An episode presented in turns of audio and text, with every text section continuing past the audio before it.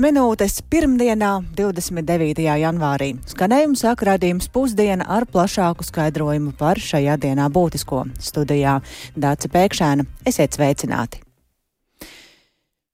Un sākam ar kādu protestu akciju, kas tieši šobrīd notiek virknē Latvijas skolu, tādā veidā iebilstot pret skolu tīkla reformu. Viena no skolām, kas tagad 12. dienā dziedot valsts himnu iebilst pret mazo skolu slēgšanu, ir privātā pamatskola Ķekavā Gaismas tilts 97. Tur šobrīd atrodas arī mana kolēģe Paula Dēvica. Sveika, Paula! Saki, kā protesta akcija šobrīd izpaužas šajā skolā, kas tajā piedalās un kāpēc? Jā, sveika, Dāci, labdien, klausītāji! Šobrīd jau gan protesta akcija, tā teikt, iet uz beigām. Um, skolēni jau devušies atpakaļ skolās, un arī vecāki un pedagogi jau um, plāno atsākt darbu, uh, taču pāris minūtes atpakaļ atskanēja valsts himna, kurā vienojās, kā jau minēju, vecāki, skolēni, pedagogi, arī skolas direktore un arī uh, pašvaldības pārstāvis. Un, uh, Pēc tam atskanēja arī skolas himna. Un, tā teikt, izrādot atbalstu šīm Latvijas mazajām skolām. Šī ir privātā pamatskola, kurā es šobrīd atrodos. Līdz ar to uh, tā, nav vēl zināms, vai šis jaunais pedagoģa modelis, kura kontekstā šis protests notiek, attiecinās uh, šos jauno maksājumu uh, formulu arī uz šādām skolām.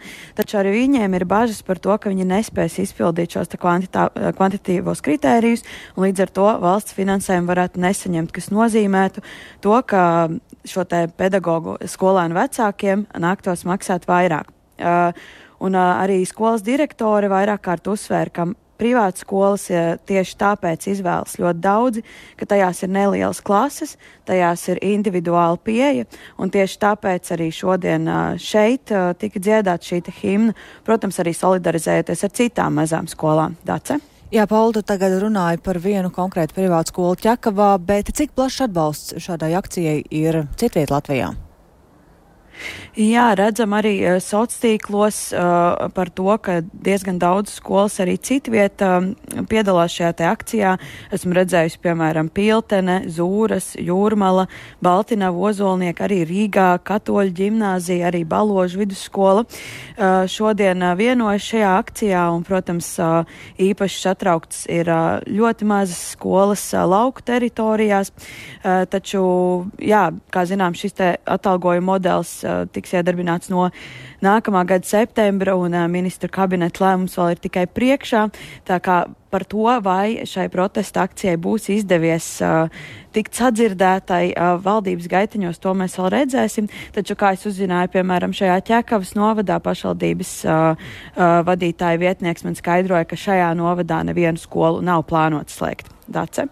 Paldies Paulai Devicai tik tālu par iebildumiem par skolu tīkla reformu, bet tagad par riska jauniešiem. Šobrīd pie nevalstiskajām organizācijām, kas palīdz grūtībās nonākušajiem jauniešiem un kurām vāca naudu dot pieci labdarības maratonā, var pieteikties palīdzības saņemšanai.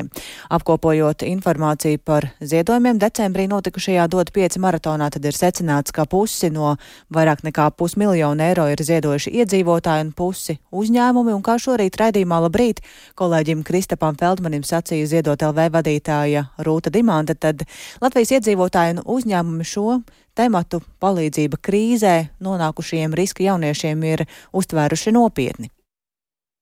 Es uzskatu, ka pusmiljons tas ir labs rādītājs par to, ka mums sabiedrībā uztrauc tie gadījumi, kad jaunieši nu, nonāk uz ielas, pastrādā noziegums. Es domāju, ļoti nu, spilgts un traģisks piemērs ir jūrmālas gadījums, kur jaunietis nodūra faktiski bērnu.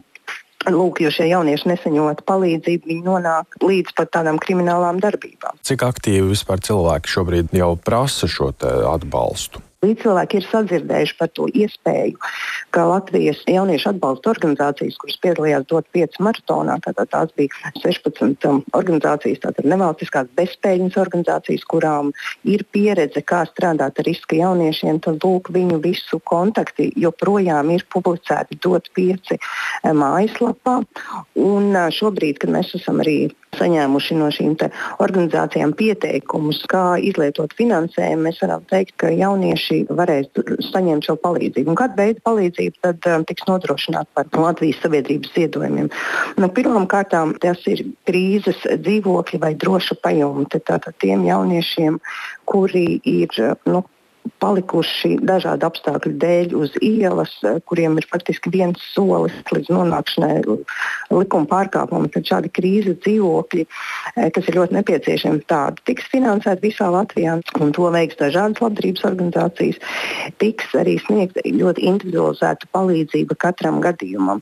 Tātad faktiski Kāpēc tad jaunietis nonāk līdz ielai, ka viņam nav bijis neviens pieaugušais, kurš būtu nu, tāda atbalsta persona, kurš varētu aiz rokas palīdzēt izvērst šādas krīzes situācijas. Un tam ir domāti īpaši mentori vai atbalsta personas, kas viens pret vienu palīdz, nu, ja tā tēlēni saka, nokļūt atpakaļ uz ceļa, saliekt tādu ceļa karti. Nu, tad, kad mēs esam izmisuši, mēs prasām palīdzību kādam, un tad mums labs draugs vai radinieks vienmēr pasakā, nu, pamēģini tā, un es tevi atbalstīšu. Nu, šajā gadījumā jauniešiem parasti šāda atbalsta persona nav. Un tas nozīmē, ka mēs no ziedojumiem varēsim šādas personas nodrošināt. Mm -hmm. nu, un, protams, arī ļoti, ļoti praktiska palīdzība, tad zobārsts vai medicīniskā vai juridiskā palīdzība. Ļoti, ļoti plaši. Lietotā vēl šogad nav tas tiešais palīdzības sniedzējs, bet eh, tās ir jauniešu organizācijas, kurām ir pieredze. Tāpēc ļoti svarīgi tiem, kam vajadzīga palīdzība, ielūkoties dot pieci mājaslapā, un tur ir visi kontakti. Dzirdējām ziedot LV vadītāju Rūtu Dimontu par to, kur jaunieši var meklēt palīdzību, ja tāda nepieciešama palīdz jauniešiem, kurus līdzcilvēki izvēlas neredzēt. Un, ja vēl tikko runājām par naudu labiem nodomiem un palīdzēšanu, tad, diemžēl, virkne cilvēku ir pazaudējuši savu naudu krāpnieku dēļ. Latvijā četru lielāko banku klientiem pašiem apstiprinot maksājumus pagājušajā gadā izkrāpti vairāk nekā 12 miljoni eiro, un tas ir par 5% vairāk nekā vēl pirms gada. Tā liecina Finanšu nozares asociācijas publiskotie dati. Biežākie krāpšanas veidi ir telefonu krāpniecība un investīciju izkrāpšana.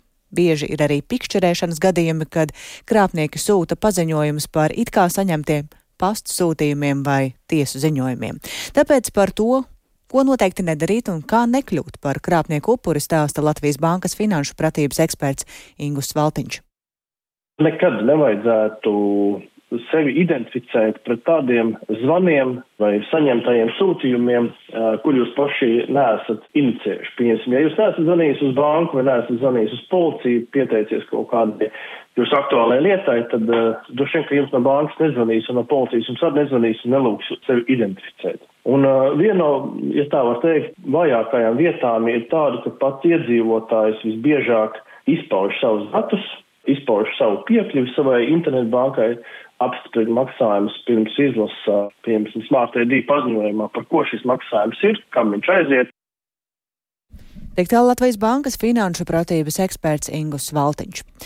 Bet kāda būs Nacionālās apvienības turpmākā sadarbība ar saimnes deputātu Aleksandru Kirsteinu, kurš pagājušā nedēļā atstāja šo politisko spēku? Par to šobrīd notiek um, Sāruna Nacionālās apvienības valdes sēdē, un viens no saimā visilgāk strādājošajiem deputātiem noliedz šī lēmuma saistība ar neseno braucienu uz Ķīnu, taču uzsver, ka jaunu partiju neveidos un cer sadarboties ar vismaz diviem politiskiem spēkiem. Un vairāk par to Jānis Kīncis, kurš pievienojas studijās. Sveiks, Jāni! Sveicināti! Jā, deputāts Aleksandrs Kirsteins bija viens no diviem Nacionālās apvienības pārstāvjiem kuri kopā ar Aināru Šleseru un viņu vadītās partijas Latvija pirmajā vietā pārstāvjiem devās uz Ķīnu tās apmaksātā braucienā, kas nebija saskaņots ar saimas prezidiju. Turp devās viena daļa no saimas delegācijas sadarbībai ar Ķīnu, un daži no deputātiem atteicās, jo nu, saskatīja zināmas problēmas šādā rīcībā.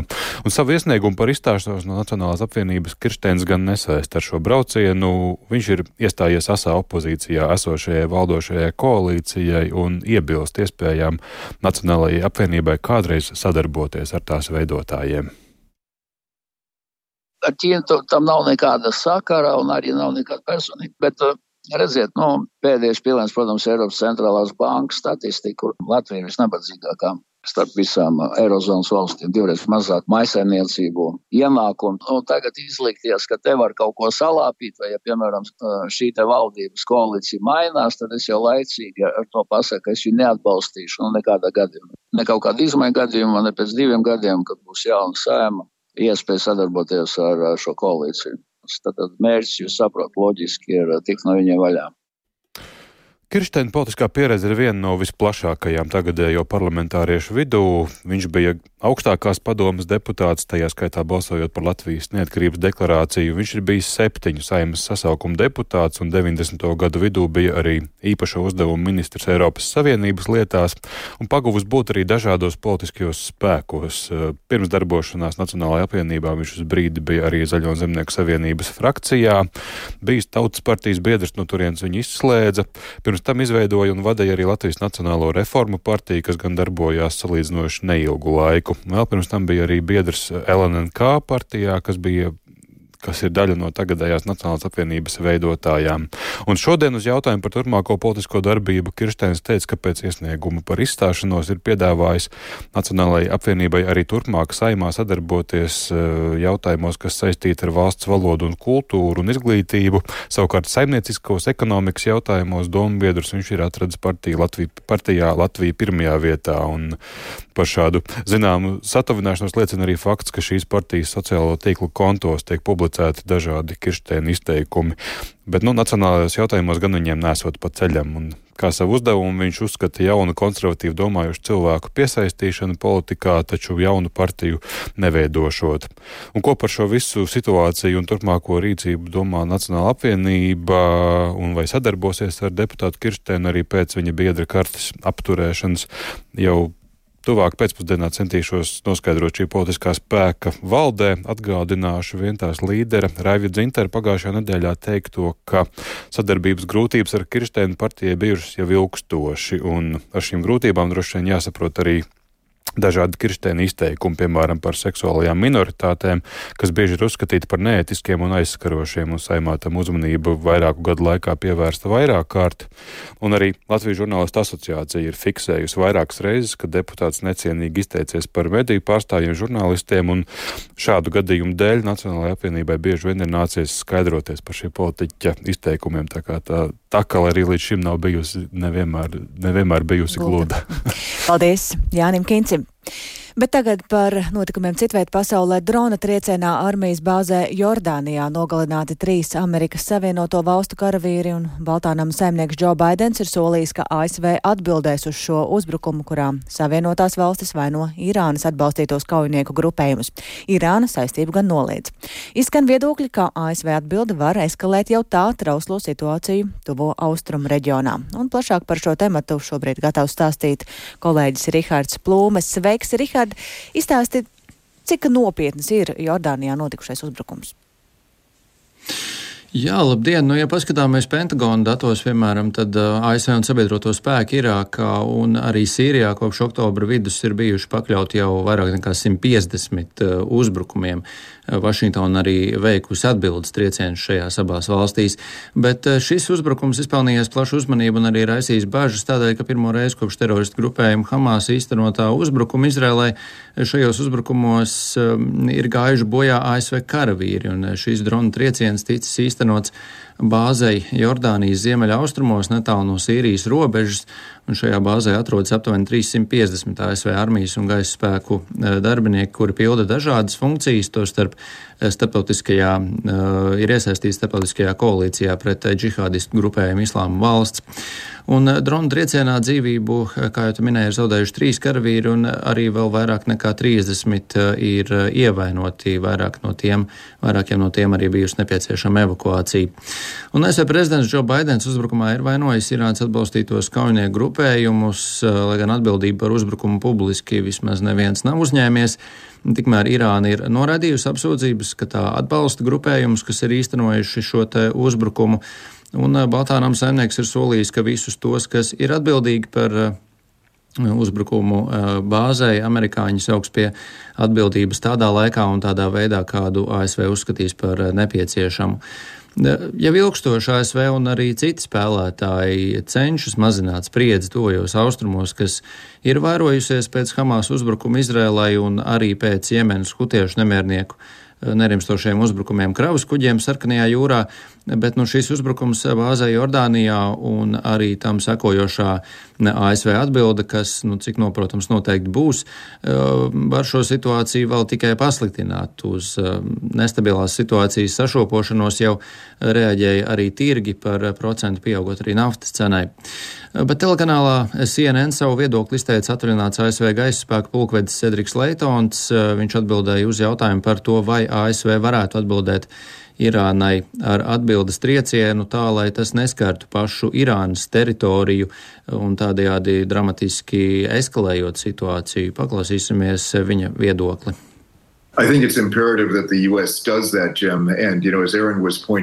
Es domāju, ka ir būtiski, ka ASV atbild, un ir vairākas opcijas, no kurām lielākā daļa ir ļoti slikta. Labākā no sliktākajām izvēlēm ir dot triecienu kaut kam, kas ir ļoti būtisks Irānai, taču tajā pašā laikā tā nebūtu tāda atbilde, kas būtu trieciens režīma sirdī vai kaut kādu viņu spēju pamatam. Tam būtu jākalpo kā brīdinājumam.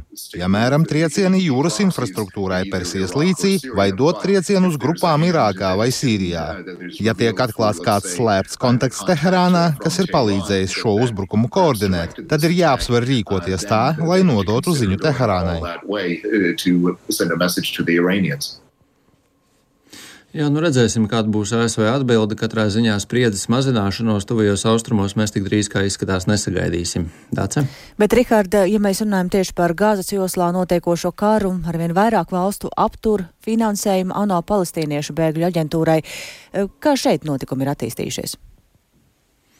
Ja nu runājot par Gazas joslu, jāsaka, ka kaujas tur turpinās intensīvākās, tās ir dienvidos Hāņonis pilsētā, un turpinās arī diplomātiskie pūliņi panākt pamieru apmaiņā pret Hamas sagūstīto ķīlnieku atbrīvošanu. Tieši šādu scenāriju Parīzē ir Eģiptes, Izraels un Kataras amatpersonām apspriež ASV centrālās izlūkošanas pārvaldes priekšnieks Viljams Bērns. Un, kā norāda aģentūra AFP, tā vēsta, ka bērns tur ir nosūtījis Džo eh, Baidens tieši ar šādu mērķi.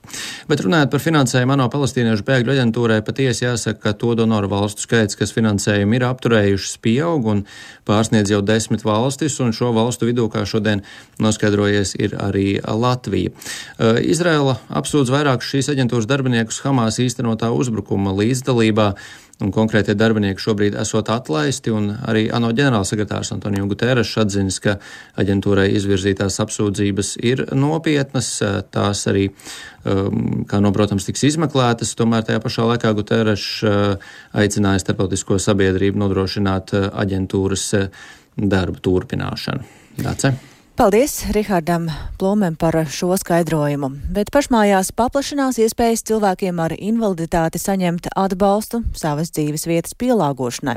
Turpmāk finansējumam no Eiropas Savienības atveseļošanas fonda, lai veiktu uzlabojumus savā mājvietā, varēs pieteikties vairāk pirmās vai otrās invaliditātes grupu cilvēku, un to varēs darīt arī strādājošie pensionāri, kā arī cilvēki, kuri izmanto valsts apmaksātu asistenta pakalpojumu pašvaldībā.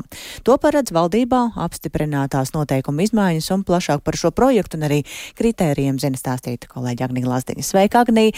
Kādi tad uh, cilvēki un kā galvenais var pieteikties šim atbalstam? Uh, labdien! Tad, uh, lai pieteiktos, ir jāvēršas ar iesniegumu savas pašvaldības sociālajā dienestā un atbalstam var pieteikties cilvēki ar kustību traucējumiem, kuri pārvietošanās nolūkos ikdienā ir spiest izmantot kādu tehnisko palīgu līdzekli. Tātad jaunieši ar invaliditāti vecumu vecumā no 15 līdz 18 gadiem, pieaugušie ar pirmo vai otrās invaliditātes grupu līdz vecuma pensijas vecuma sasniegšanai un strādājoši vai pašnodarbināti pensionāri ar pirmās vai otrās invaliditātes grupu. Un atbalstam var pieteikties arī cilvēki, kuri tātad izmanto arī valsts apmaksātu asistenta pakalpojumu pašvaldībā. Savukārt pielāgojumu veikšanu var pieteikt nevien cilvēku ar invaliditāti vai viņu radinieku īpašumā, bet arī īrētā īpašumā, ja ir noslēgts īres līgums uz turpmākajiem pieciem gadiem vai ilgāk, vai arī mājoklis tiek īrēts no pašvaldības. Un pašvaldība savukārt uzņemsies mērķa grupas un mājokļu izvērtēšanu, kā arī organizēs visus darbus, tā skaitā visas nepieciešamās tehniskās dokumentācijas izstrādi un saskaņošanu. Un šie pielāgojumi var būt gan mājokļa iekšējās vidas pielāgošanai, piemēram, labierī, labierīcību, virtuves zonas, durvju aiļu, gan ārējās vidas, piemēram, pacēlāju, uzbrauktuvu un pandus ieru, ierīkošanai, pārbūvēju vai atjaunošanai, tādējādi uzlabojot un atvieglojot cilvēkam pārvietošanos mājoklī, kā arī iekļūšanu un izkļūšanu no tā. Un uh, Rīgā finansējums viena mājokļa vidas pielāgošanai ir nedaudz virs 18 tūkstošiem eiro, un kā skaidro Rīgas domas pārstāvis Andris Izinkēvičs, šobrīd no pieļaujamā skaita, kas ir 78, pieteikušies ir 62 cilvēki personas, kuras šobrīd jau ir pieteikušās projektam, lūdzu pielāgojums lielākoties mājokļu vidas iekārtošanai, jeb iekšēji. Tas ir saistībā ar vansistabu pielāgošanu, tolis pielāgošanu, darbvietas iekārtošanu mājā. Tāpat tās ir arī iesniegumi, ka lūdzu izveidot gudro mājokli. Tāpat tās ir arī cilvēki, kas lūdzu ārējos pielāgojumus, ierīkot pacēlāju vai arī ierīkot pandus, lai vieglāk varētu tikt līdz savam dzīvoklim un arī izkļūt no mājas, lai varētu nu, kļūt aktīvāk šis cilvēks Invalīdu un viņu draugu apvienības apērons valdes loceklis Ivars Balodis norāda, ka tā ir laba iniciatīva, taču, diemžēl, ir vairāki nosacījumi, kuri nesot pietiekami plaši un atbilstoši visiem cilvēkiem, kam šie vidas uzlabojumi būtu nepieciešami. Līdz ar to viņi vienkārši nespēja iegūt atbalstu. Jo, piemēram, daudz cilvēku dzīvo nu, ne tādās mājās, kā tas ir noteikts tajos noteikumos, kur to naudu var saņemt, vai arī, piemēram, cilvēkiem ir bijuši pielāgojumi, kas nav bijuši saskaņoti būvvaldē, kā beig beigās tie skaitās par nelikumīgo būvniecību, un tev atkal ir jāiziet vesela epopeja cauri, lai tu saskaņot, ja nu, pa, pašrocīgi uztaisītu to uzbrauktu vai kādu citu, kā teikt, ierīci, ko tu esi uztaisījis pie mājām, nesaskaņojot, varbūt un līdz galam, un tad tas viss rada neapšaubām tādu situāciju, ka beig beigās liela daļa cilvēku nemaz to atbalstu nevar izmantot, un tā ir tā problēma. Projekta mērķis ir nodrošināt, ka cilvēki ar invaliditāti kļūtu aktīvāki, nevis vienkārši pielāgot viņiem mājokli. Līdz ar to tā mērķa grupa projektam ir arī ir tādi cilvēki, kas mācās, strādā vai ir brīvprātīgais, ir darba meklējumos, nodarbojas ar paralimpisko sportu, aktīvi darbojas kādā nevalstiskajā organizācijā un tam līdzīgi. Paldies Agnijai Lazdiņai, un vēl 29. janvāris ir īpaša diena Kurzemē, Skrundā. Šodien tur karoga diena, jo tieši pirms 105 gadiem pulkveža Oskara Kalpaka vīri uzvarēja lielniekus, kas noteica neatkarības kara tālāko gaitu. Tieši šobrīd notiek arī izaicinājuma spēle jauniešiem, un vairāk par šo dienu Ingas Ozols ierakstā. Vēsturisks notikums 29. janvārī 1919. gadā - Skrundas pilsētas atbrīvošana. Brīdī, kad pirmais latviešu atsevišķais bataljons no Rīgas ir nepārtraukti atkāpies līdz tā sauktai Vēntas līnijai, kā mēs to parasti arī iezīmējam, tad 29. janvārī būtībā ar šo Skrundas kauju iezīmējās posms, kas tālāk ir mēnesis ilgs, kur, kad ir iespēja veikt mobilizāciju. Tā par nozīmīgajiem notikumiem Skrundas pusē stāsta Oskara Kalpaka muzeja vadītājs Roberts Sipenieks. Kartes un fotografijas, vēsturisku dokumentu kopijas par to, cik katram karavīram 1919. gadā pienācās kāda maizes šķēle vai gaļas gabals. To visu var redzēt un piedzīvot Kalpaka muzejā Airītēs, arī fotografijas no Rudbāžiem, kur atradās Kalpaka bataljona štāps. Par 29. janvāra notikumiem skrundā stāsta Roberts Sipenieks. Latviešu atsevišķais bataljons jau būtībā četros iziet no Rudbāržiem, tālāk Skrundas pilsētā, pie Skrundas pilsētas robežas, divas rotas izvēršās kaujai. Cēsu rota pa lielceļu un pa kreisi no tā, no Rudbāžiem virzienā uz skrundu, un virsnieku rota pa labo pusi. 300 metrus aptuveni no Skrundas baznīcas un no Skrundas mūžas sākās kontakts. Pēc vairākām stundām Skrunda bija atbrīvota. Tas bija pirmais uzbrukums, pirmais solis uz priekšu pēc ilgstošas atkāpšanās. Izrādās arī vēlāk šīs bolševiku vienības viņas pat bija atkāpušās līdz saldumam, bet šī izdevība netiek tālāk izmantota. Skrunda ir atbrīvota bez neviena kritušā, divi ievainotie. Lai gan uzbrukums ir noticis praktiski pa klāju lauku, es domāju, militāru personām šis jēdziens ir pilnībā skaidrs, tas ir ārkārtīgi sarežģīts process, bet skrunda ir atbrīvota. Tā bijusi taktiski ļoti nozīmīga kauja, jo izdevās noturēt Ventas upes līniju, kas latviešu atsevišķajam bataljonam, kas zināms arī kā Kalpaka bataljons, ļauj tālāk mobilizēties Rudbāžu muižā izveidotajā štābā. No jau 21. gadu karoga dienu atzīmē skrundā. Sākotnēji tie bijuši mazāka mēroga pasākumi, bet vēlāk iesaistīti arī skolēni un jaunsargi. Ingozola Latvijas radio kurzmē. Un ar šo stāstu izskan redzījums pusdiena, ko veidoja Lauris Zvainieks, Kaspars Groskops, es Dācis Pēkšēn un Iveta Zvainiec.